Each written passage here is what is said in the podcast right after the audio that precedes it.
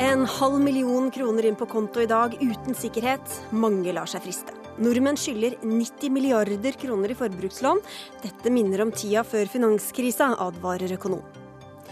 Donald Trump antyder at han vil anerkjenne Krim som russisk. Hans nære bånd til Russland skaper frykt i Øst-Europa, sier forsker. Ungdommer bruker ferien på å jobbe frivillig på barnehjem i utviklingsland. Fint for dem, men det kan skade ungene, frykter Redd Barna. Og SV vil ha hele folket med på brunsnegledugnad to ganger i året. Håpløst at staten skal arrangere snegleplukking, sukker Frp.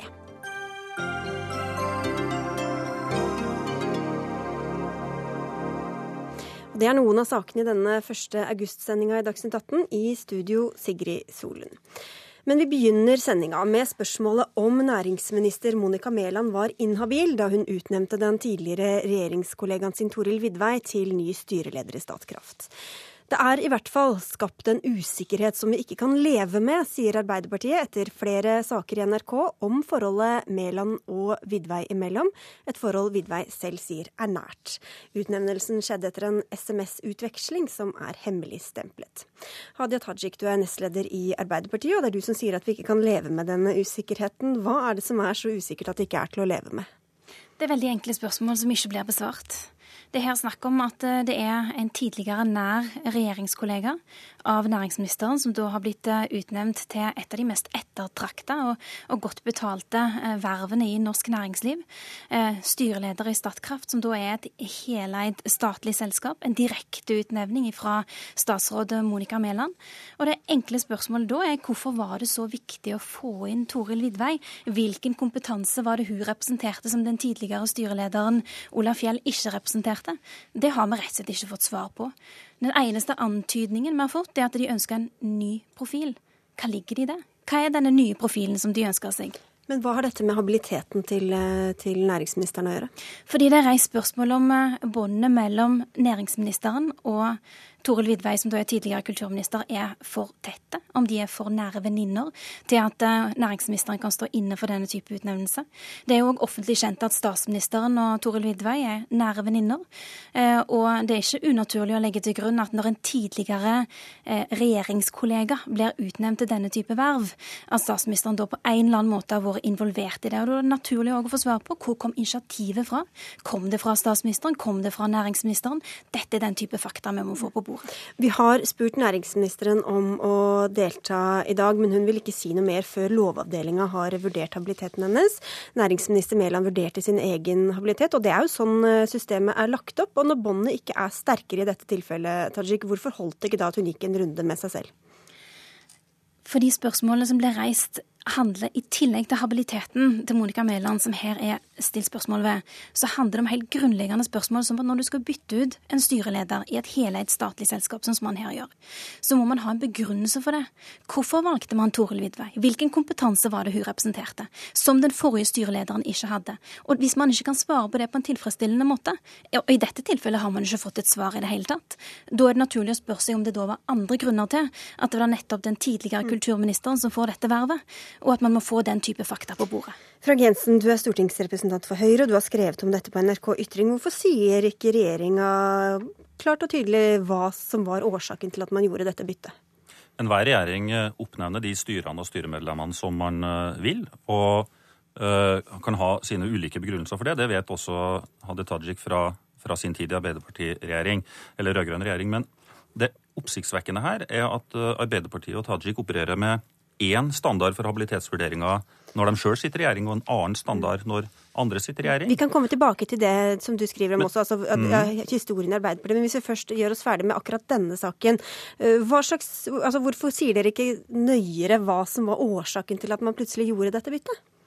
Nei, Det kan være forskjellige grunner til det. Jeg kjenner ikke regjeringas interne saksbehandling om det her. Og som Hadia Tajik også vet, så er det sånn at når regjeringa gjør sine interne vurderinger, så er det interne vurderinger i enhver regjering. Så når uh, Tajik i tillegg forsøker å trekke inn og skal ha statsministeren til å redegjøre for uh, intern saksbehandling i regjeringa, så virker det som at verken Arbeiderpartiet eller Tajik har sittet i regjering før. Man vet jo utmerket godt uh, at dette er interne vurderinger. Og vel, jeg registrerer at det er flere som mener Toril Vidvei er en kompetent kandidat. Arne Strand, som ikke akkurat er noe våpendrager for denne regjeringa, konkluderte også i, i Dagsavisen med at, med at Vidvei er, er, kvalifisert. Så Det tror jeg vi kan legge til grunn det debatten handler om, og som Arbeiderpartiet forsøker, forsøker seg på her. Det er å uh, legge opp til at habilitetsvurderinger og de vurderinger som gjøres, skal, altså at man skal stille helt andre krav til denne regjeringa enn det man gjorde da man sjøl satt i regjering. Ja, men vi kommer til, som sagt, tilbake til det. Men er det, er det, naturlig at man går ut og sier her dette veide for og dette veide mot, og sånn var han og sånn er hun, Hadia Tajik? Det er naturlig å gi en begrunnelse når man bytter ut en styreleder i et heleid statlig selskap.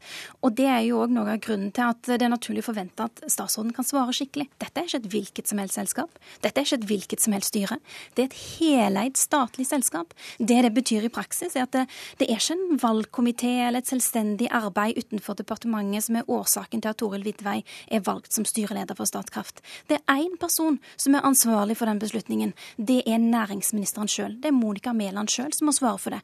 Og da, da må jo kunne svare på det enkle spørsmålet. Hvorfor var det så viktig å få inn Toril Vidvei? Hva er denne nye profilen ja, som men Ved å knytte det opp mot habilitetsspørsmålet, så antyder du at det er gjort en vennetjeneste her. Ja, når man ikke klarer å gi et ordentlig svar på hva som er grunnen til at man har valgt Toril Vidvei, altså vurdert henne opp mot andre kandidater, vurdert henne opp mot den tidligere styrelederen, da er det naturlig å anta at da er det andre grunner til dette her. Når man da vet at uh, næringsministeren sjøl karakteriserer deres forhold som nært, og man vet at statsministeren er venninne med den som da er utnevnt som uh, ny styreleder for Statkraft, så er dette relevante spørsmål å stille. Og hvis, dette, hvis habiliteten er i orden, så må man kunne enkelt avfeie det. Det er det man ikke gjør. Ja, hvorfor kunne ikke da næringsministeren ta dette med Lovavdelinga først som sist, og slippe denne usikkerheten, Frank Jensen? Hun har eh, gjort det på helt eh, vanlig vis og har gjort eh, det hun skal gjøre. Statsråden har vurdert sin egen habilitet, funnet at den og, ikke, og som hun selv sier, hun mente selv at hun ikke var i nærheten av å være inhabil. Når det så blir reist spørsmål om det, ja, så syns jeg at det var naturlig å få Lovavdelinga sin vurdering. Så får vi håpe at den kommer raskt på bordet, og så får vi høre da om Tajik er eh, tilfreds, da, eh, hvis det blir slått fast at hun ikke var eh, inhabil. men det er jo oppsiktsvekkende at i en sak da hans egen nåværende sjef, eh, Støre Men du, var, jo, bare, skal... la, bare la Tajik mm. få svare på det her først. Det er jo sånn systemet er. Man skal jo vurdere sin egen habilitet. Hvis, hvis når Lovavdelinga kommer til at hun har gjort det riktig, da var det ikke noe å rope opp om, da, hadde Tajik? Jo, for det sentrale spørsmålet her er jo fortsatt hvorfor var det så viktig å få inn Toril Vidvei? Og når det er snakk om et heleid statlig selskap som ikke eh, altså som til og med er et av Europas aller største på sitt felt, så må man kunne gi en ordentlig begrunnelse på hvorfor man bytter ut den, den uh, tidligere styrelederen. Ja, men da er habiliteten jo ok, i hvert fall. Hvis hun, da må man kunne forklare hva man mener når man sier at man ønsker en ny profil. Hva er denne nye profilen man ønsker? Okay. Um, når, man, når, det er tidligere regjering, eh, regjeringsmedlem og en, ja, et Høyre-medlem som man da velge Da skal du få komme med, ja, med dette, ja, Frank Jensen, om, om Arbeiderpartiet ja, og dobbeltmoralen. Ja, bare for å si først at jeg tror, eh, også om vi, også om vi tar det siste poenget fra Tajik, mm. jeg tror nok, jeg føler meg ganske trygg på at hvis vi ettergår eh, den rød-grønne regjeringa sine utnevnelser gjennom åtte år, så var det ikke sånn at man ga utfyllende eh, begrunnelser hver man gjorde sånne endringer. Så også på det punktet mener jeg at Arbeiderpartiet eh, legger opp til en annen standard for, eh, for Høyre i regjering enn da de sjøl satt i regjering. Ja, okay, men, men, kommer, men ja. Mm. så til poenget. Altså, eh, da, da Gahr Støre den Tschudi-saken som det var omtalt, eh, da det var snakk om bevilgning til et senter for nordområdelogistikk. Og det ble avklart at uh, i denne saken så hadde Støre et veldig nært og personlig forhold til en av de involverte uh, partene her. Ja, så gjorde Støre det naturlige først. Han vurderte sin egen habilitet. Uh, og fant at han ikke var inhabil. Men det oppsiktsvekkende var jo at da det ble reist spørsmål om det her i offentligheten, så nekta jo Støre å også be Lovavdelinga om å få vurdert habiliteten, altså få en ekstern vurdering av egen habilitet. Spørsmålet til Tajik blir jo hvilken fremgangsmåte er å foretrekke. Er Støres fremgangsmåte, hvor man altså nekter å få vurdert habiliteten sin vurdert, eh, er den å foretrekke, fremfor det at man faktisk lytter til kritikk og spørsmål når man får det, og ber om å få en ekstern eh, gjennomgang av, av habiliteten sin? Slik Monica Mæland har gjort. Det som skiller disse sakene, er jo bl.a. det at det aldri ble reist spørsmål om hvorvidt eh, dette nordområdesenteret som eh, var ansvarlig for, eh, burde få den bevilgningen som det her var snakk om. Mens i Statkraft-spørsmålet Har det en relevans? Ja, og i Statkraft-saken så er det jo så er det snakk om at man ikke engang klarer å redegjøre for om det var andre kvalifiserte kandidater. Man klarer ikke å forklare hvorfor det er man ønsket å bytte ut Olaf men Du kritiserer Hode Kameland for at hun ikke gikk til Lovavdelingen, og det var jo akkurat det samme Støre gjorde, bortsett fra at han da, eh, som Frank Jensen sier, heller ikke lyttet til kritikk og gjorde det slik Monica Mæland har gjort. Så hvorfor bruker du ikke enda krassere ord om det han om Støre gjorde? Støre fikk kritiske spørsmål. Han svarte på de. Men ikke fra deg eller andre i Arbeiderpartiet? Han fikk kritiske spørsmål, han tålte de, og han svarte på de. Monica Mæland men, får nå det, kritiske er det spørsmål. Støre gjorde verre enn det Monica Mæland eh, gjør? Monica Mæland får kritiske spørsmål, svarer ikke på dem. Ja, det gjør ikke du heller. Det gjør jeg. Og statsministeren som òg får spørsmål om Nei. sitt forhold til den Jo, som nå er utnevnt. men syns du at det Støre gjorde habilitetsmessig var verre eller like ille som det Monica Mæland som det du beskylder Monica Camilla, for å ha gjort? Jonas Gahr Støre sjøl, da han ble eh, spurt om dette, bl.a. av kontroll- og konstitusjonskomiteen, om han burde gjøre habilitetsvurderingen før eller etter, sa sjøl at det, det finnes alltid flere måter å gjøre det på, og det ville nok eh, flytta flere spørsmål vekk hvis han hadde gjort habilitetsvurderingen gjort, han burde gjort det annerledes. Det sa han òg sjøl. Eh, I denne konkrete saken altså han, han fikk en rekke spørsmål omkring Judy- eh, Judy-saken og svarte veldig grundig på det. Mens i denne saken, i utnevnelsen av Toril Vidvei til, eh, til styreleder for Stat, Statkraft, så har vi ikke fått svar på noen spørsmål. Vi har ikke fått svar på hvorfor man ønsket å bytte ut den eksisterende styrelederen, eller hvilken profil det er man ønsker for Statkraft Frank. Frank Jensen, da må vi bare høre med deg også. Da. Hvis det, dere var jo veldig kritiske til Støre den gangen. Hvorfor har dere ikke da lært av det og opptredd annerledes når dere da selv kommer i regjering? Hvis du er er inne på dobbeltmoralen her, da. Men det er det vi gjør. Uh, nettopp fordi at Monica Mæland jo faktisk uh, nå ber om å få Ja, etter- sin etter habilitet masse oppslag i Jo, jo, da, men, eh, jo, og det har for så vidt rød-grønne statsråder også tidligere gjort, at man har etterkommet kritikk og bedt om habilitetsvurdering. Støre gjorde det ikke. Men Tajik går altså i en form for sirkelargumentasjon her, for hun får det til å høres ut sånn at hvis Monica Mæland eller regjeringa hadde gitt en mer utfyllende begrunnelse, som på en måte har vært OK for Arbeiderpartiet i forhold til hvorfor Toril Vidvei ble utpekt som styreleder, så hadde man altså ikke kommet til å stille spørsmål ved habilitetsdiskusjonen. Selvfølgelig hadde man gjort det. Dette er et heleid statlig selskap. Det er en direkteutnevnelse fra statsråden. Det er Europas største på sitt felt. Det er de mest ettertraktede ettertrakta Ja. vervene. Man må kunne svare skikkelig på hvorfor man gjør den type bytte. Og da får vi bytte. se når Lovavdelinga kommer. Monica Mæland vil ikke komme til Dagsnytt 18 i dag før hun eh, altså har fått en vurdering derfra. Så får vi komme tilbake til det da. Tusen takk skal dere ha begge to for at dere var med. Dagsnytt 18 alle hverdager klokka 18.00 på NRK P2 og NRK2.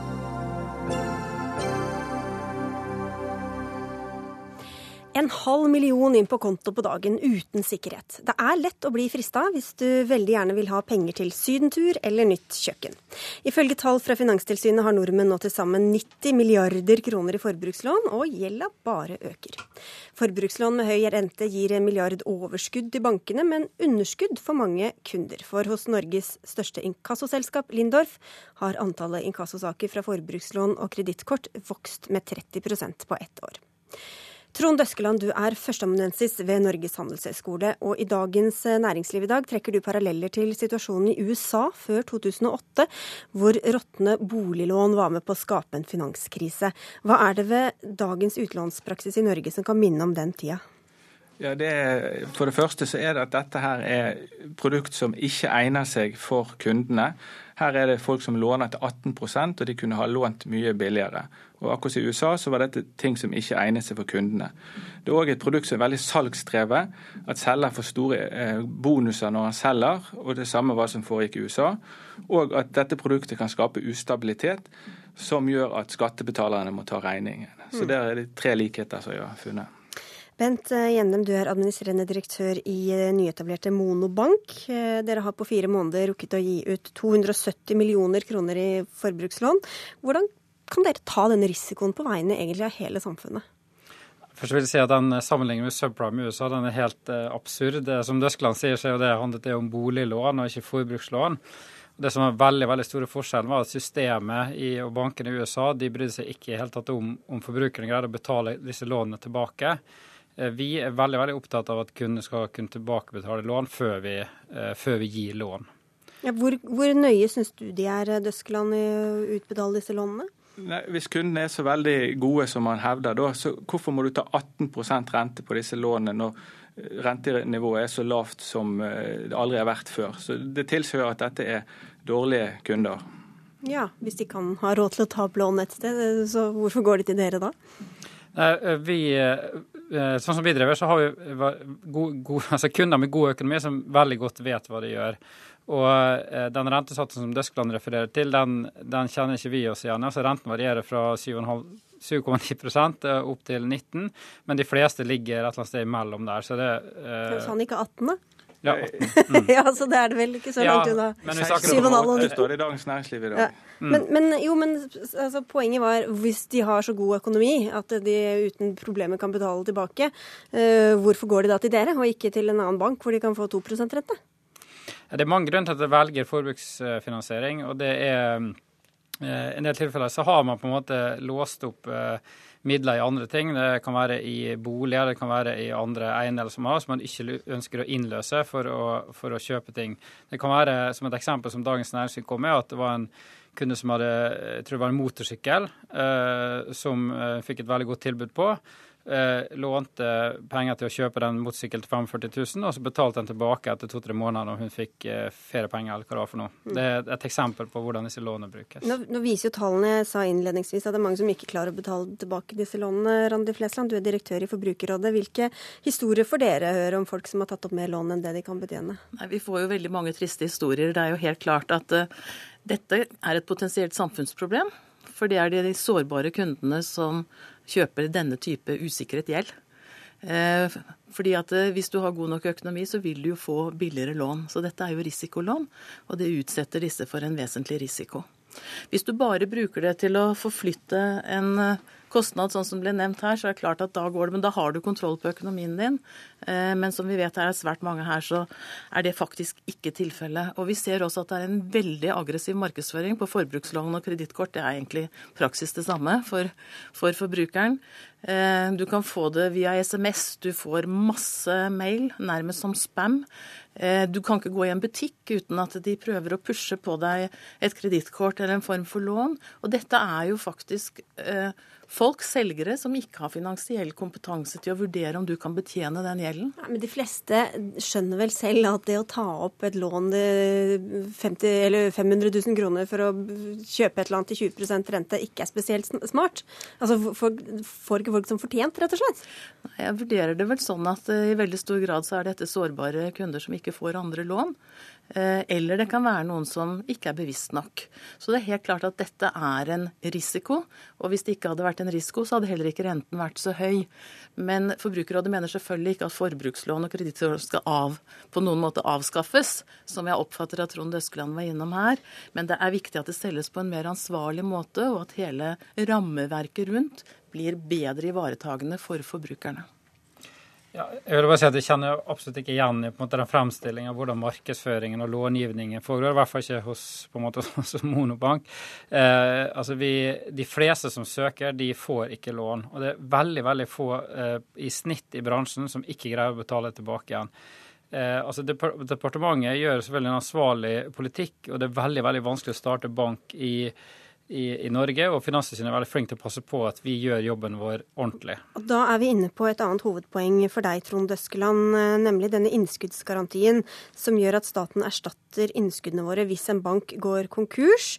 Den er med på å finansiere veksten i forbrukslån, sier du, og tar til, endre, tar, tar til orde for å endre på garantien. Men kan du ikke bare forklare hva er sammenhengen her mellom denne garantien og disse forbrukslånene? Jo, det som en sånn forbruksbank gjør, det er at den låner ut sine penger til en høy rente. Og De pengene blir finansiert av noe, og det de blir finansiert av, det er innskudd fra kunder. Og Grunnen til at kunder har lyst til å sette penger inn i disse bankene, her er at eh, innskuddene er garantert.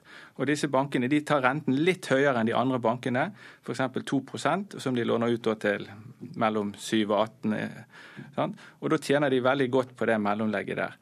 Og eh, så På en måte så spiller de på denne garantiordningen. Og det jeg har sagt er at det er jo dumt at denne garantiordningen er med på å øke alle disse forbrukslånene her, og at vi må se på endringer i den. Hvordan vil du endre den i så fall? Nei, altså Det som sto i Dagens Næringsliv i dag, var at jeg ville ta ned beløpet på, på garantiordningen. Men det går jo an å gjøre andre ting. Det går an å f.eks. kreve at eh, det er maksrente på hvor mye de får lov å eh, låne ut til, at det er maks 10% Det går an å kreve at bankene må ha mer diversifisert. altså De må ha forskjellige kilder til finansiering, ikke bare innskudd. For å ta denne garantiordningen, da, Flesland. Eh, du vil vel egentlig ikke endre den. Hvorfor skal den være med på å finansiere dyre forbrukslån? Nei, men Det handler jo om at eh, Forbrukerrådet vil jo aldri ønske at det er forbrukerne som skal straffes. og Her snakker vi om kunder som faktisk sparer penger. Og hvis de, ikke, de innskuddene deres ikke skal være garantert like mye av alle banker, så vil det være svært uheldig. Det vil jo hindre at folk setter penger i en bank som, eh, ja. som er hva skal vi si, litt spekulativ, da. Vi kan være enige i målet, at vi skal ha ned mengden av forbrukslån. Men da må man straffe de som faktisk utnytter de sårbare forbrukerne, og dvs. Si bankene, og ikke straffe forbrukerne. Så da må man gå på noe annet. Trond Øskeland var litt innom det. Men f.eks. at du sier en maksmargin, altså forskjellen mellom det du betaler for pengene og det du får igjen for lånene dine. At det er en maksimum, så kanskje det ikke blir like lønnsomt, og vi kanskje får ikke like mange aktører som utnytter forbrukerne. Ikke, ikke like lukrativt for dere igjen, dem. Ja, men jeg tror eh, Døskeland han, eh, han bør studere regnskapene til de forskjellige forbrukslånsbankene. For da vil han se at man finansieres på ulike måter. Innskudd er bare en, en, en bit av det. Og jeg tror at og, eh, i dag, i den debatten som har vært i dag, så tror jeg at noen har vært uansvarlig i dag, så er det Døskeland. Han ønsker både å trekke ut alle forbrukslånene fra markedet, og ønsker å fjerne veldig gode sparerenter for folk flest. Det må altså flere som er inne på, det er veldig bra at forbrukerne har høye sparerenter, og det gjør at vi trekker med oss de tradisjonelle bankene oppover og holder de litt i ørene når det gjelder sparerente. Ja, men det er jo ikke altså at hvis, hvis dette går vekk, disse gode sparerentene, så vil kanskje renten gå litt ned. Men faren med å ha disse høye rentene er jo at bankene kommer i ubalanse, og at skattebetalerne må inn og redde bankene. Så, så, så det at ikke det er en bærekraftig ordning, er jo, har jo en kostnad òg. Så jeg er ikke så redd for at rentenivået går litt ned. Eh, og konkurransen vil være der uansett, selv om ikke disse forbruksbankene er der. Men det, denne, dette forslaget om eventuelt å endre på denne innskuddsgarantien bygger på det premisset at folk i det hele tatt kjenner til den og liksom regner med den når de da eh, velger hvor de skal sette pengene. Og de fleste går vel kanskje bare etter å sette pengene der hvor renta er høyest. Hvordan vet du at folk tar dette med i beregninga i det hele tatt?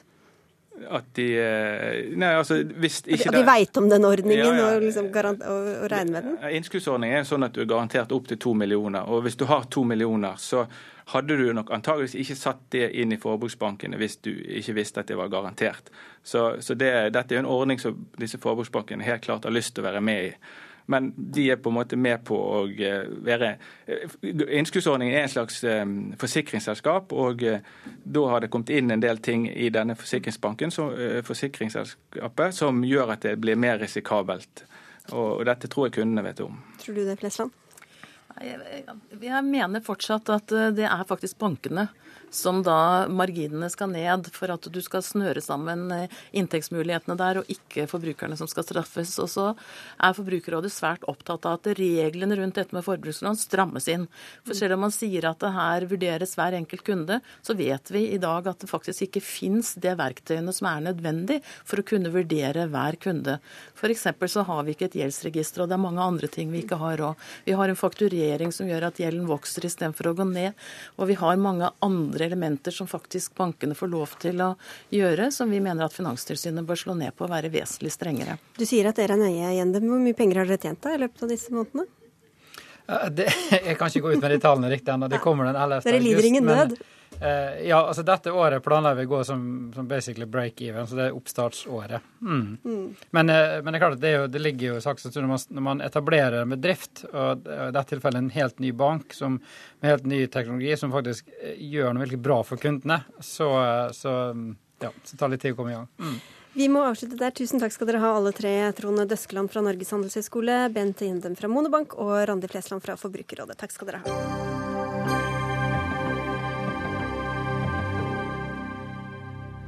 Det er ikke bare høysesong for bading og is, det er også den tida på året der tusenvis av nordmenn kan observeres krokbøyde med klyper, giftspray eller sakser i hendene på jakt etter den forhatte brunsneglen. Nå får de drahjelp av eh, SV, som har satt av 30 millioner kroner eh, til kampen mot brunsneglen i det alternative statsbudsjettet sitt for i år. I tillegg vil partiet ha alle med på snegledugnad to ganger i året, skriver VG i dag. Partisekretær SV Kari Elisabeth Kaski, hvorfor er denne saken så viktig at dere vil ha alle disse tiltakene? Den er viktig fordi brunsnegler er en innført eller fremmed art i norsk natur, som både er et problem for hageeiere eh, som må ut og plukke det fordi den spiser blomstene, men også fordi at vi ser at eh, arten sprer seg nå ganske raskt i Norge. Over halvparten av landets kommuner er plaga med brunsnegler, og det begynner etter hvert å bli et problem også for jordbruket og skogbruket, og begynner etter hvert å koste samfunnet flere millioner kroner årlig. Men det er jo som jeg var inne på mange som tar den jakten på private initiativ. Hvordan skal dere, eller Hva er poenget med en sånn kollektiv dugnad? Hvor skal dere få folk med på det? Nei, som du sier, altså Nå er jo folk eh, gjør det her på, holdt på å si, individuelt. Og det vi ser er jo at det ikke er nok. Brunsnegler spres eh, ganske raskt rundt omkring i Norge. Eh, så selv om man er på en måte alle inne i den kampen i dag, eh, så spres eh, brunsnegler. Og Derfor så tenker vi at OK, her er det behov for både politisk oppmerksomhet, men også noen konkrete forslag til hvordan eh, politikere vi kan være med og hjelpe til eh, i den dugnaden. Både fordi at det er et problem for de folkene som er rammet, men også fordi at det begynner å bli et samfunnsmessig stort problem. Dette forslaget er blitt møtt med en del harselas eh, i løpet av dagen. og En av dem som var raskt ute med å kritisere, var deg, eh, Sivert Bjørnstad. Du er stortingsrepresentant for Fremskrittspartiet. Men det er jo sånn som Kaski sier, brunsneglen er en fremmed art. Den er vanskelig å bli kvitt. Den ødelegger for andre arter. Hvorfor ikke ta det på alvor? Jo, absolutt, og det skal vi gjøre. Og den er på svartelista i likhet med over 200 andre arter også. Eh, hvis SV hver gang eh, skal foreslå, eller hver gang det kommer en ny eh, art på svartelista, at man skal ha en kollektiv dugnad, så tror jeg man skal få, få mye å gjøre framover. Både regnbueørret og canadagås og lupiner. En, lupiner, en rekke gullregn, en rekke andre arter. Nei, vet du hva, jeg tror rett og slett at det at vi som politikere snakker om det, tror jeg er veldig bra. Fordi det gjør at folk blir mer bevisst på det. Men jeg tror ikke at folk renner ut i hagene sine fordi at SV har sagt at nå skal vi på en kollektiv statlig dugnad. Jeg tror at det er borettslag, nærmiljøer, sameier som oppfordrer folk til å, til å plukke brunsnegler. Jeg tror det er den enkleste måten. Det initiativet må komme nedenfra og opp, ikke fra et uh, eh, SVs partikontor. Borettslagene og de villaområdene eller hvem det er, vi vet vel selv hvem det gjelder. Så hvorfor skal dette være en statlig oppgave, i stedet for at de sjøl som det angår, arrangerer dette her? Ja, for De gjør jo allerede det i dag, og du trenger en enda større innsats. Og, Hvis de og, gjør det i dag, så er det vel ikke noe behov for det? Nei, altså, de gjør det i dag, men det er jo ikke tilstrekkelig. ikke sant? Vi skal ikke gjøre en kollektiv dugnad overfor alle innførte arter. Men faktum er at overfor akkurat brunsnegler så er det faktisk sånn, viser forskninga, at det er en kollektiv innsats som trengs. Men hva skal dere gjøre da? Si at i dag skal alle ut og plukke snegler, eller ja, hvordan skal dere gjøre det? det? Det vi foreslår er, Vi har satt av 30 millioner kroner i budsjettet, som skal fungere som et insentiv overfor både folk og kommuner til å arrangere den type dugnader i de områdene som er ramma av brunsnegler. Da kan du f.eks.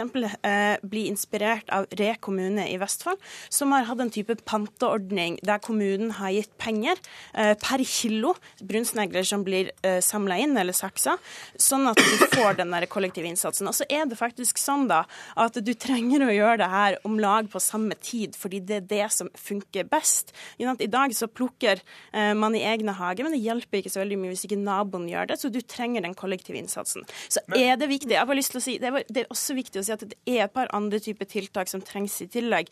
Vi må ha noen begrensninger på importen av planter og jord til Norge. Og vi må også ha strengere regler for hagesentrene, sånn at vi er sikre på at vi ikke kjøper brunsnegler med i blomsterpotter. Men, men det, det, jeg ikke skjønner, er altså Du sier jo i dag at det er mange som er ute og plukker, plukker snegler. Mange følger med borettslaget eller sameiet og er ute. Så er det sikkert, helt sikkert noen som ikke gjør det. Eh, og det er selvfølgelig synd. Men Hvorfor tror du de skal høre på deg om at de skal ut og klippe snegler, mens de ikke hører på borettslaget? Hva, hva, er det du har som på en måte borettslagslederen ikke har, som skal få dem til å gå ut i hagen og plukke snegler? Det vi foreslår her er nettopp eh, både at vi utnytter at nordmenn er glad i dugnader, at vi kan få til et dugnadsarbeid. Men blir de mer glad i dugnad av at staten ber dem om det? Nei, men vi, altså, det her må jo være i, i, regi av kommunen som først og fremst tar initiativ til det. Men at du nettopp også kan ha en type en pengepott, da, som er det vi ser at i de kommunene der det har vært effektivt Da er det ikke dugnad har, lenger. jo, jo, men altså, det er en dugnad når folk går sammen om det. Og så kan man bruke en pott med penger også som et insentiv til å gjøre det. Altså, la oss se på hva det er som har funka. Og da å sette av penger, som er mer enn det Frp har gjort, og si at OK, her er det en del politiske tiltak som faktisk kan fungere, i tillegg til å bare overlate folk til seg selv. Bjørnstad, du sa jo at dette var et alvorlig problem. Er det galt at det kommunene har gjort da, når de har uh, hatt Nei, sånne altså, Den enkelte kommune må gjerne ja. ha insentivordninger. Men hvorfor er det verre at staten gjør det enn at kommunen gjør det? da? Jo, fordi at det er forskjell på kommunene om man har brunsnegler eller ikke. Hvorfor skal staten da Fordi det er et nasjonalt problem. Ja, men Ta ditt hjemfylke, da, Finnmark, hvor det ikke er brunsnegler.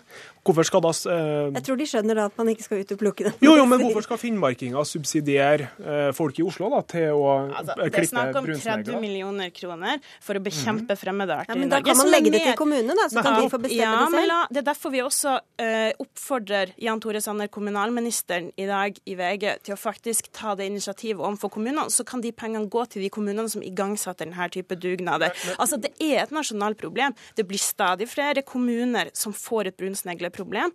Da kan vi ikke si sånn la oss håpe at hver enkelt kommune tar initiativ. I EU så har de langt strengere regler overfor også brunsnegler. Da, men da bare spørre deg også, Sivert Bjørnstad, Hva er det dere vil, dere ser på dette som et alvorlig problem? Hva vil dere gjøre da for å komme dette problemet til livs? Nei, jeg tenker at det er litt sånn at det er begrensninger på hva politikken kan gjøre. Jeg tror at eh, det at vi appellerer til at hageeiere går ut og klipper snegler, det er Men det virker jo åpenbart ikke, da? Jo, det gjør jo det, fordi mange er jo ute og klipper snegler. Ja, men du, du har jo, men bevisstgjøringa i dag er mye bevisstgjøringa i dag er mye større enn hva den var for et par år siden, nettopp fordi at media og politikere har begynt å snakke om brunsnegler. Jeg tror ikke en slags halvstatlig dugnad er, er, veien å gå. og Det er heller ikke sånn at det å kaste penger etter alle problemer er politikkens, men politikkens svar. sterkere reguleringer, da? Som også Nei, jo, jo, men hør nå. ikke sant? SV foreslår 30 millioner. Da de sjøl satt i regjering i 2007, så kom det da en handlingsplan mot brunsnegler. Det brukte man tre millioner på. Man laga en 18-siders handlingsplan. Problemet har selvfølgelig bare blitt verre og verre etter det.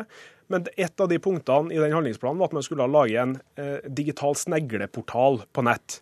Jeg vet ikke om det er det som jeg vet ikke om den ble oppretta heller, men det har i hvert fall ikke ført til at problemet har blitt mindre. Så det å kaste penger etter å, å lage handlingsplaner, lage strategier Nei, Jeg vet ikke hvordan det gikk med den portalen. Jeg helt kort på det, Kaski. Men... Nei, ikke sant? Det er nettopp på bakgrunn av den type erfaring. Her tar, det, det, vet jeg ikke. Her tar, Bjørn, altså her tar Frp eh, initiativ til mer informasjon og rette en pekefinger på folk flest om at de må plukke egne snegler. Vi ønsker å løfte debatten om det finnes andre typer virkemidler som ja. kan være et insentiv for å få nettopp det, det, til å skje det er hageeierne som har ansvaret for sine egne hager. Det er dem som må være bevisst på at de må Så er det en eller annen inni den rekka vet du, som ikke plukker sneglene. Du vet hvordan det er? Jo, men jeg tror ikke den går ut og plukker snegler fordi at SV sier at vi skal ha en statlig dugnad. Det tror jeg ikke. Vi får eh, avslutte der. Si tusen takk til dere begge, snegleansvarlige Kari Lisbeth Kaski fra SV og Sivert Bjørnstad fra Fremskrittspartiet.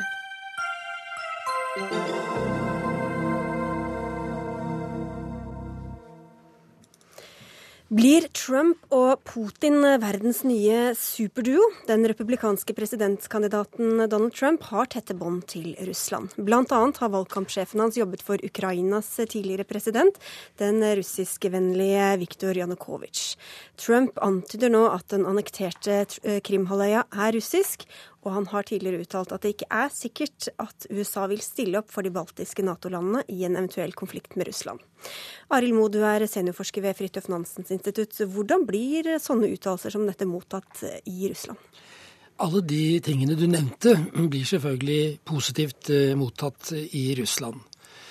Eh, man må kanskje skille litt mellom den russiske eliten, regjeringen Putin på den ene siden, og det bredere publikum på den andre siden den russiske regjeringen de har nok et litt mer nyansert bilde av, eh, av, Trump, og vet jo at dette er en uerfaren person som også er veldig upredikerbar. Men eh, jeg tror også de kanskje har et berettiget håp om at en president Trump vil kunne være lettere å ha med å gjøre enn en president eh, Clinton. Så en litt usikker begeistring fra regjeringshold i Russland?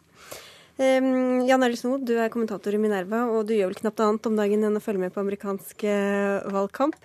Hvordan er det med denne valgkampsjefen Paul uh, Manafort, som altså jobbet for uh, Janukovitsj? Hva slags påvirkning har han på Trump, tror du? Altså, han er jo en sentral, han er den mest sentrale rådgiveren for Trump nå, så han er viktig.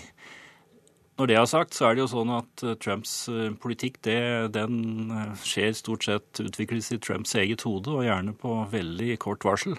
Så jeg tror ikke det er nødvendigvis sånn at det er Manafort som trekker i trådene. Men det, jo, det er jo skjedd én endring i den politiske plattformen til republikanerne, og det er det Manafort som har stått bak. Han har fått ut forpliktelser der til å hjelpe Ukraina med, med, med våpen som har vært republikanernes politikk, det er borte. Og det er det Manafort som har stått bak. Mm. Men det, Trump har jo også forbindelser til Russland fra før han ble presidentkandidat. Hva er, hva er forholdet hans til? Ja, Trump har en del forretnings interesser. Det har vært forsøk på prosjekter. Det er også muligens at han har russiske investorer i, sine, i sine, noen av sine prosjekter. Noe av dette vet vi gjennom eh, graving som bl.a. Washington Post har gjort, og andre ting er mer spekulative. Mm. Men det er ikke, jeg tror ikke vi skal gå så langt som å si at, at uh, Trump gjør dette av forretningsinteresser. Det tror jeg er ganske perifert. Mm. Men det er mer Trumps uh, hvordan han ser på USAs interesser og ikke minst eh, hva han er villig til å gjøre for de som ikke betaler medlemskontingentene sine, sånn som han ser det. Hvor eh, nøye følger russerne med på den amerikanske valgkampen? Eh, de følger faktisk ganske godt med. Jeg så nettopp en meningsmåling fra Russland om russernes interesse for det amerikanske valget. og den, den er faktisk ganske høy. Og det er en god del som følger mye med, og noen som følger med ganske ofte. Og det later til at det er større interesse for dette valget enn det har vært for tidligere valg. Eh, allikevel så er det klart at uh, utenrikspolitikk, amerikansk innenrikspolitikk og slike ting er ikke det som er høyest på agendaen for den jevne russer. Men en annen meningsmåling viser jo også at uh, Russland er det eneste landet der Trump er uh, mer populær enn Clinton av land utenfor USA, da, hvor han leder med 21 prosentpoeng. Hvorfor, hvorfor, denne fascinasjonen for Trump? Ja, jeg tror det ikke er så vanskelig å forklare. slik situasjonen har vært nå de siste årene, med et meget kjølig forhold mellom eh, Russland og, eh, og, USA, så er jo det russiske bildet, og ikke minst det bildet som kjøres frem i russiske medier og propaganda, av USA som et meget fiendtlig innstilt land. Og Obama spesielt som en potensiell trussel mot freden. Det er mange russere som tror at Obama pønsker på invasjon av Russland, for, eksempel.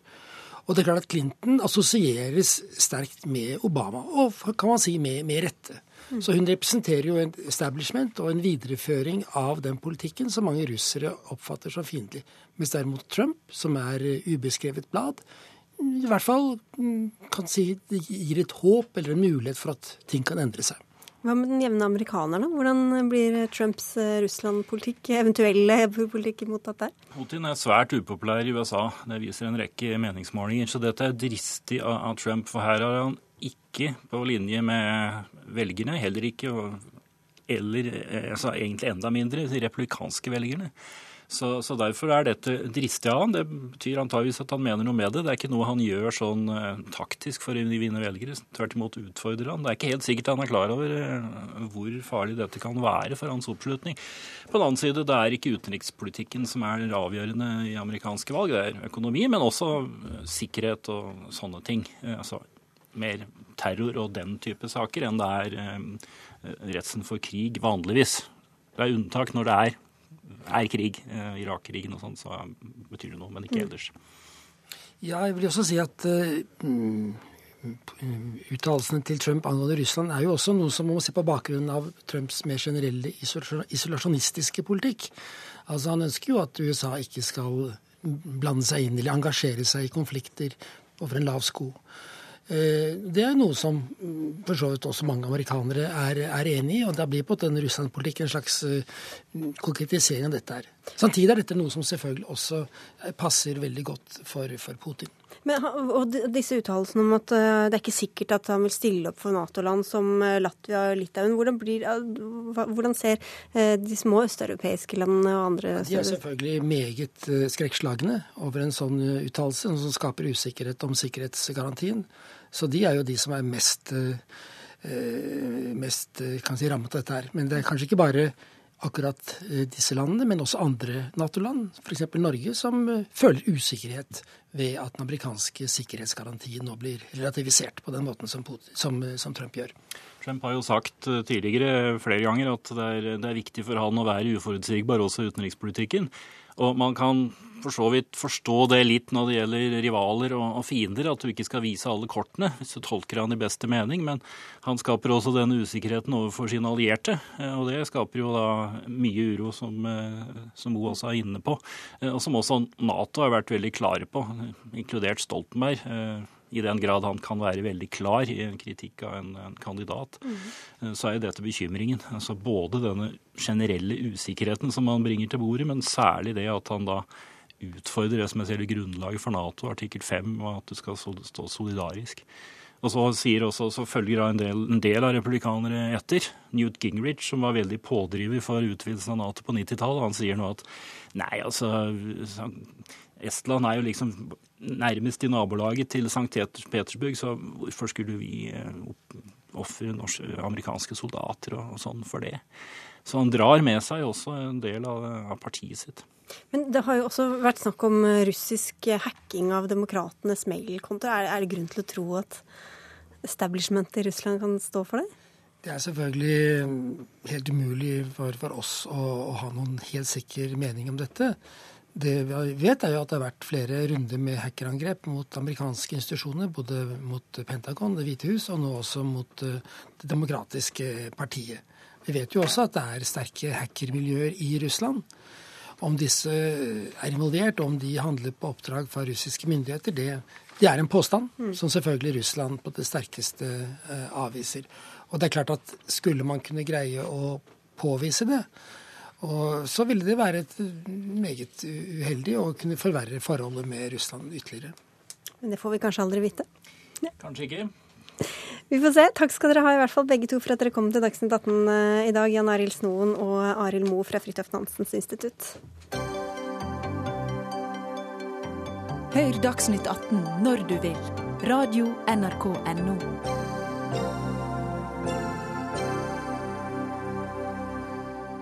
Hvis du skal åpne lommeboka og gi 200 kroner i måneden til en bistandsorganisasjon, hvem bør du da gi til for at mest mulig av pengene skal komme til nytte? En internasjonal bevegelse som fokuserer på nettopp dette, har etablert seg også i Norge, med bl.a. nettsida gieffektivt.no. Og ingen av de norske hjelpeorganisasjonene når opp på denne lista. Styreleder i stiftelsen Effekt Innerhold Spinnanger, dere skriver om dette i VG i dag. Først, hva er det dere har undersøkt? Hvem er dere egentlig? Ja, eh, Stiftelsen Effekt eh, er en nyoppretta stiftelse. Eh, vi, har, vi, kommer fra en internasjonal bevegelse som kaller seg effektiv altruisme, som egentlig starta med Peter Singer og en del ja, professorer på universiteter i USA. Eh, det er viktig å understreke at det ikke er vi som utfører disse analysene. Det er analyser og forskning som blir gjort av uavhengige institusjoner, eh, der de går gjennom en hel rekke med kriterier eh, før de da lager en liste og rangerer bistandsorganisasjoner ut ifra hvor effektive de er. Og da er det ingen norske som når opp i denne sammenheng? Det er ikke noen norske som er på topp i dag, men det kan godt hende at det blir endringer på det en gang i fremtiden.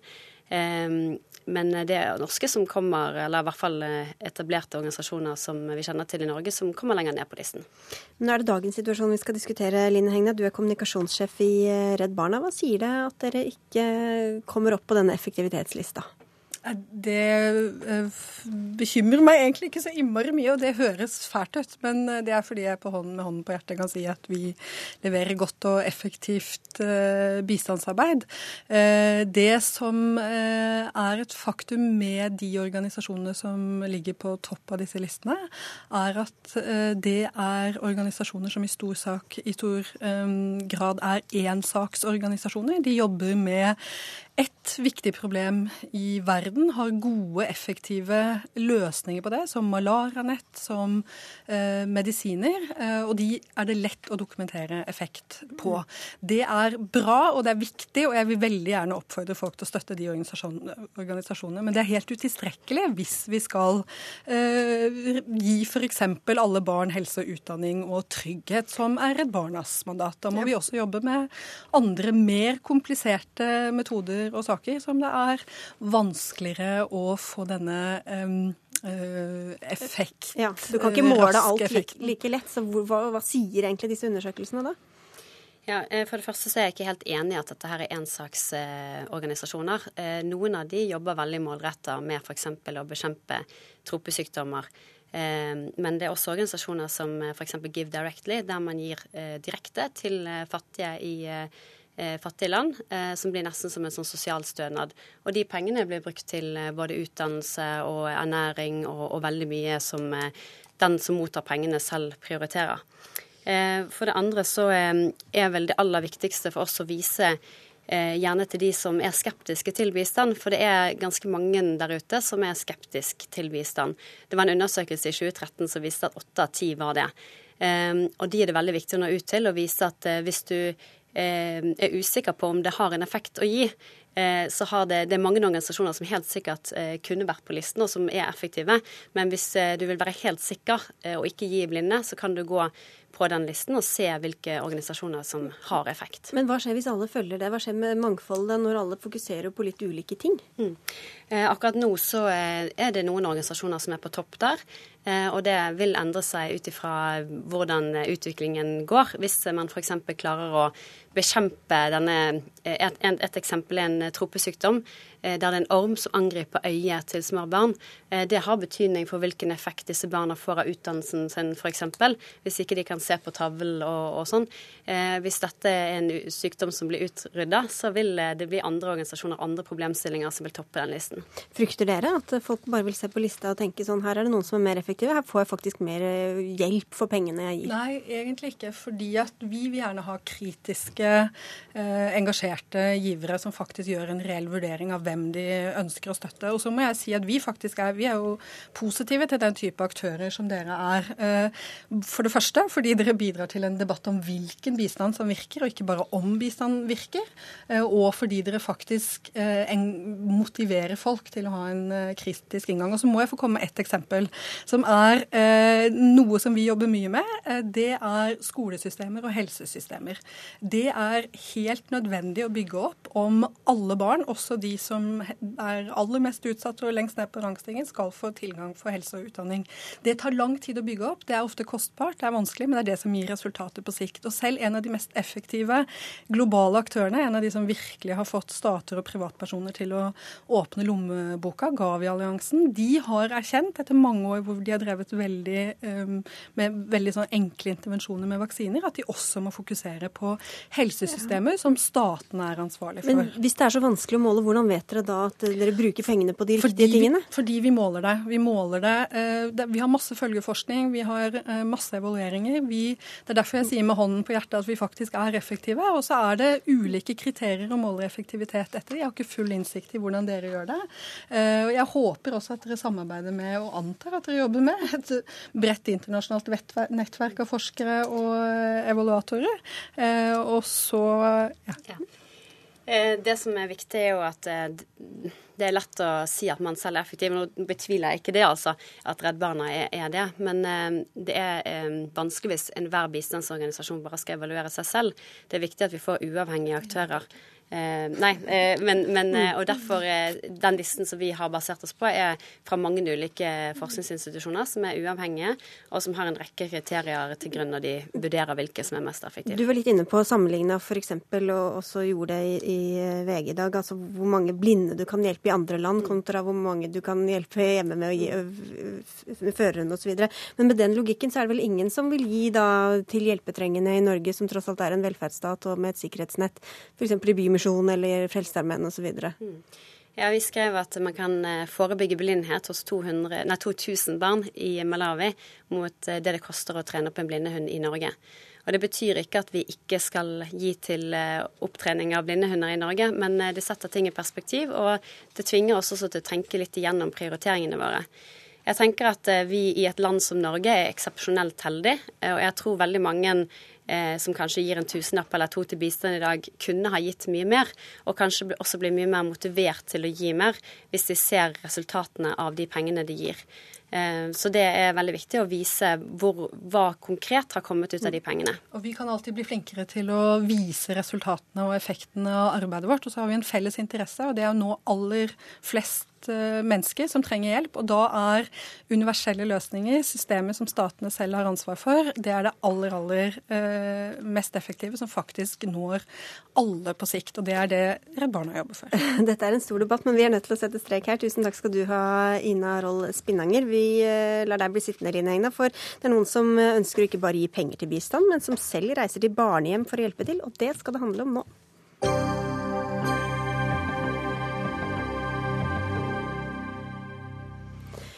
For hvert år drar hundrevis av norske ungdommer til utviklingsland for å drive med humanitært arbeid. Noen av dem ender opp som frivillige på barnehjem. Redd Barna frykter for barnas stabilitet og sikkerhet, og mener at eh, engasjerte norske ungdommer heller bør jobbe med voksne mennesker. Det skriver Vårt Land eh, i dag. Ja, Line Hegna, du sitter her fortsatt. Hva er det som er galt, eller i hvert fall eh, potensielt problemfullt med denne praksisen? Ingenting galt med at unge mennesker er veldig engasjert og vil gjøre en forskjell for barn ute i verden. Det trenger vi nå mer enn noensinne.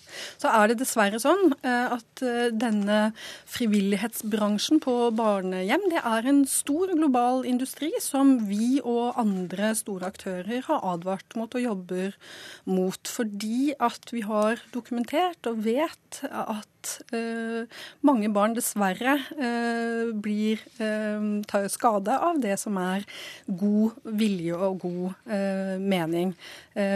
Fordi fordi blant, Det er tre viktige ting. Det ene handler om at barn trenger stabilitet. Vi hadde ikke akseptert eh, her i Norge om barnehjem ble drevet av eh, frivillige. Barn har ikke godt av at eh, mange kommer og går. Og i sin ytterste konsekvens så beskrives dette som barn som turistattraksjoner. Og så er det andre er at mennesker med uærlige hensikter, dårlige hensikter, også oppsøker denne denne type veldig eh, systematisk for å kunne komme i en posisjon hvor de kan misbruke barna. Og så har barn også ifølge Barnekonvensjonen rett på privatliv, så de har rett og slett rett på å bli beskytta også for at mange ulike mennesker kommer inn i det som er eh, hjemmet deres. Vi fokuserer på det første. Heidi Tofteberg, du er programrådgiver for frivillig arbeid i Atlantis eh, utveksling. Ut, ja, dere organiserer sånne turer og tilbyr alt fra fire til tolv uker. Hos dere drar 200 ca.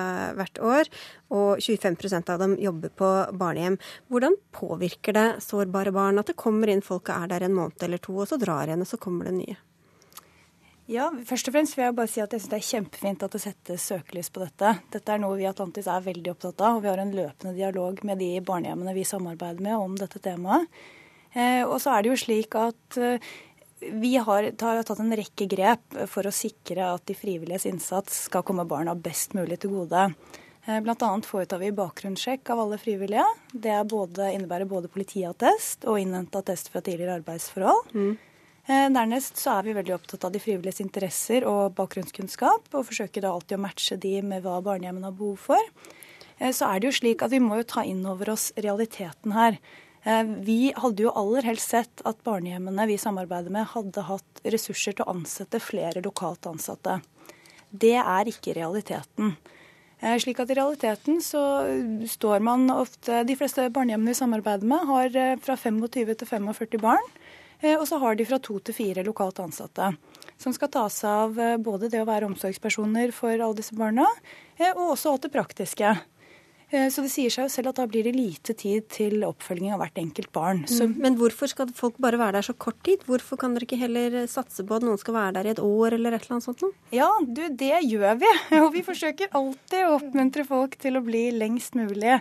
Eh, nå kan jeg jo ha som et eksempel at vi har et barnehjem som kun tar imot frivillige fra ett år og oppover. Eh, der er det ingen som har reist de siste tre årene, fordi det blir en for stor forpliktelse. Mm. Slik... Ja, Hegna. Det er, det er, liksom det gode som blir det beste fiende. Ja, absolutt. Og det er selvfølgelig faren her. Og jeg tviler ikke på at faktisk de norske organisasjonene er blant de aller, aller beste i klassen her. Og de bruker politiattest. Jeg håper også dere gjør intervjuer og, og sjekker egnethet og annet. Men realiteten er at dette her er en stor og ikke veldig fin bransje. Eh, barnehjem popper opp rundt turistdestinasjoner. Eh, og Eh, og fra barnerettighetsorganisasjoner som oss, så ser vi at det ikke bidrar positivt for å innfri eh, og ta vare på barn i en vanskelig situasjon. Eh, så er det sånn at vi har frivillige som gjør en kjempeviktig jobb for oss. Vi trenger frivillige med på laget fordi at det er lite ressurser også i Norge. Dere. Ja. Nei, så er, vi er opptatt av at dette skal gjøres på en skikkelig mm. måte. Og vi gjerne være i dialog med okay. organisasjoner som dere for å få det til. Men vi er nødt til å se dette i global sammenheng, og ikke bare bare som norske organisasjoner og norske frivillige. Vi har med en til her. Magne Raundalen, du er barnepsykolog og tidligere president i den norske Unicef-komiteen. Du har reist mye også, i Nairobi, Uganda, Mosambik. Hvordan mener du at dette fungerer med disse hva skal vi si, turistene som kommer og jobber på barnehjem? Jeg har ikke vært på innsiden der, men, uh, utgangs så mye, men utgangspunktet er barn på barnehjem. Fordi de er foreldreløse, eller fordi foreldrene ikke kan ta vare på dem. Og på uh, skrantende og tynt bemannede barnehjem veldig ofte. De er der av ytterste nød. Og jeg syns det er galt å kalle de unge idealister for veldedighetsturister. Det er nesten å sverte det Dessuten er det for meg som barnepsykolog ulogisk å karakterisere mulige positive barneopplevelser for skadelige.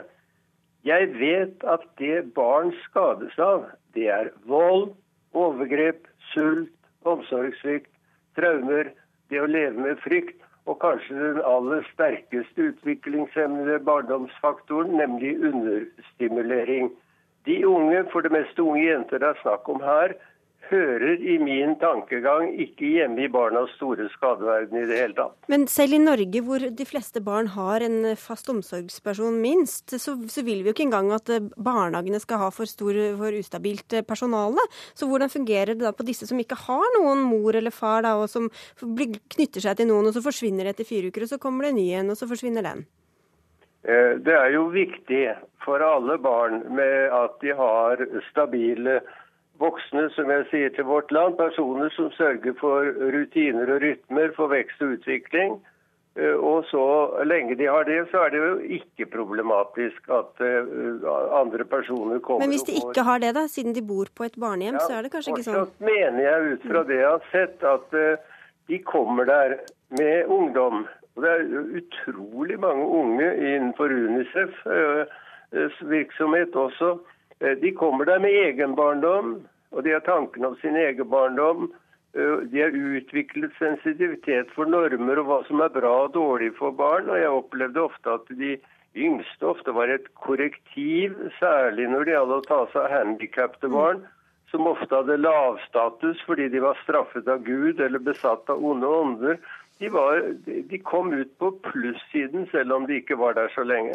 Men da skal jeg høre med Tofteberg også, for det er altså en forskningsrapport fra Human Sciences Research Council som viser at denne såkalte frivillighetsturismen kan ha skadelige langtidseffekter.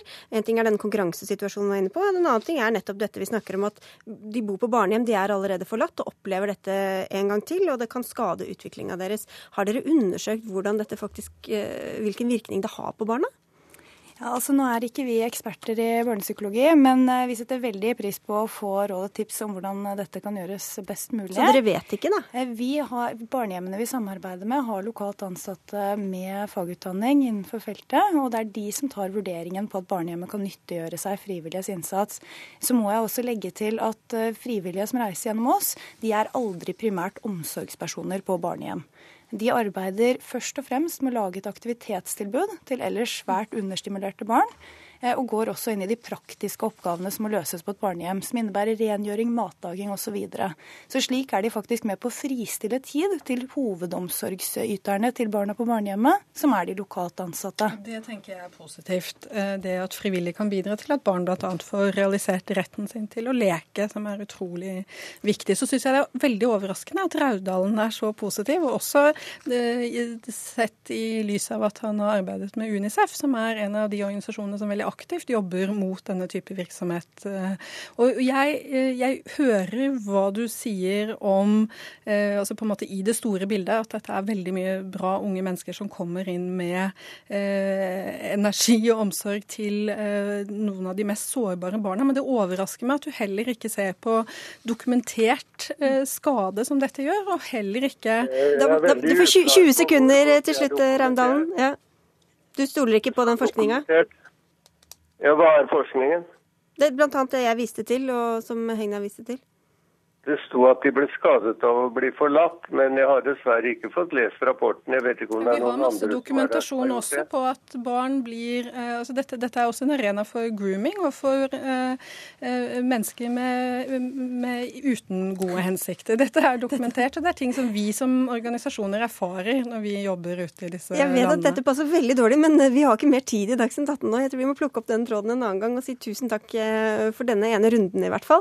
Ida Tune Øretsland Eli Kyrkjebø og jeg, Sigrid Solund, takker for oss. Og Dagsnytt 18 er tilbake i morgen. Tusen takk skal dere ha for at dere kom.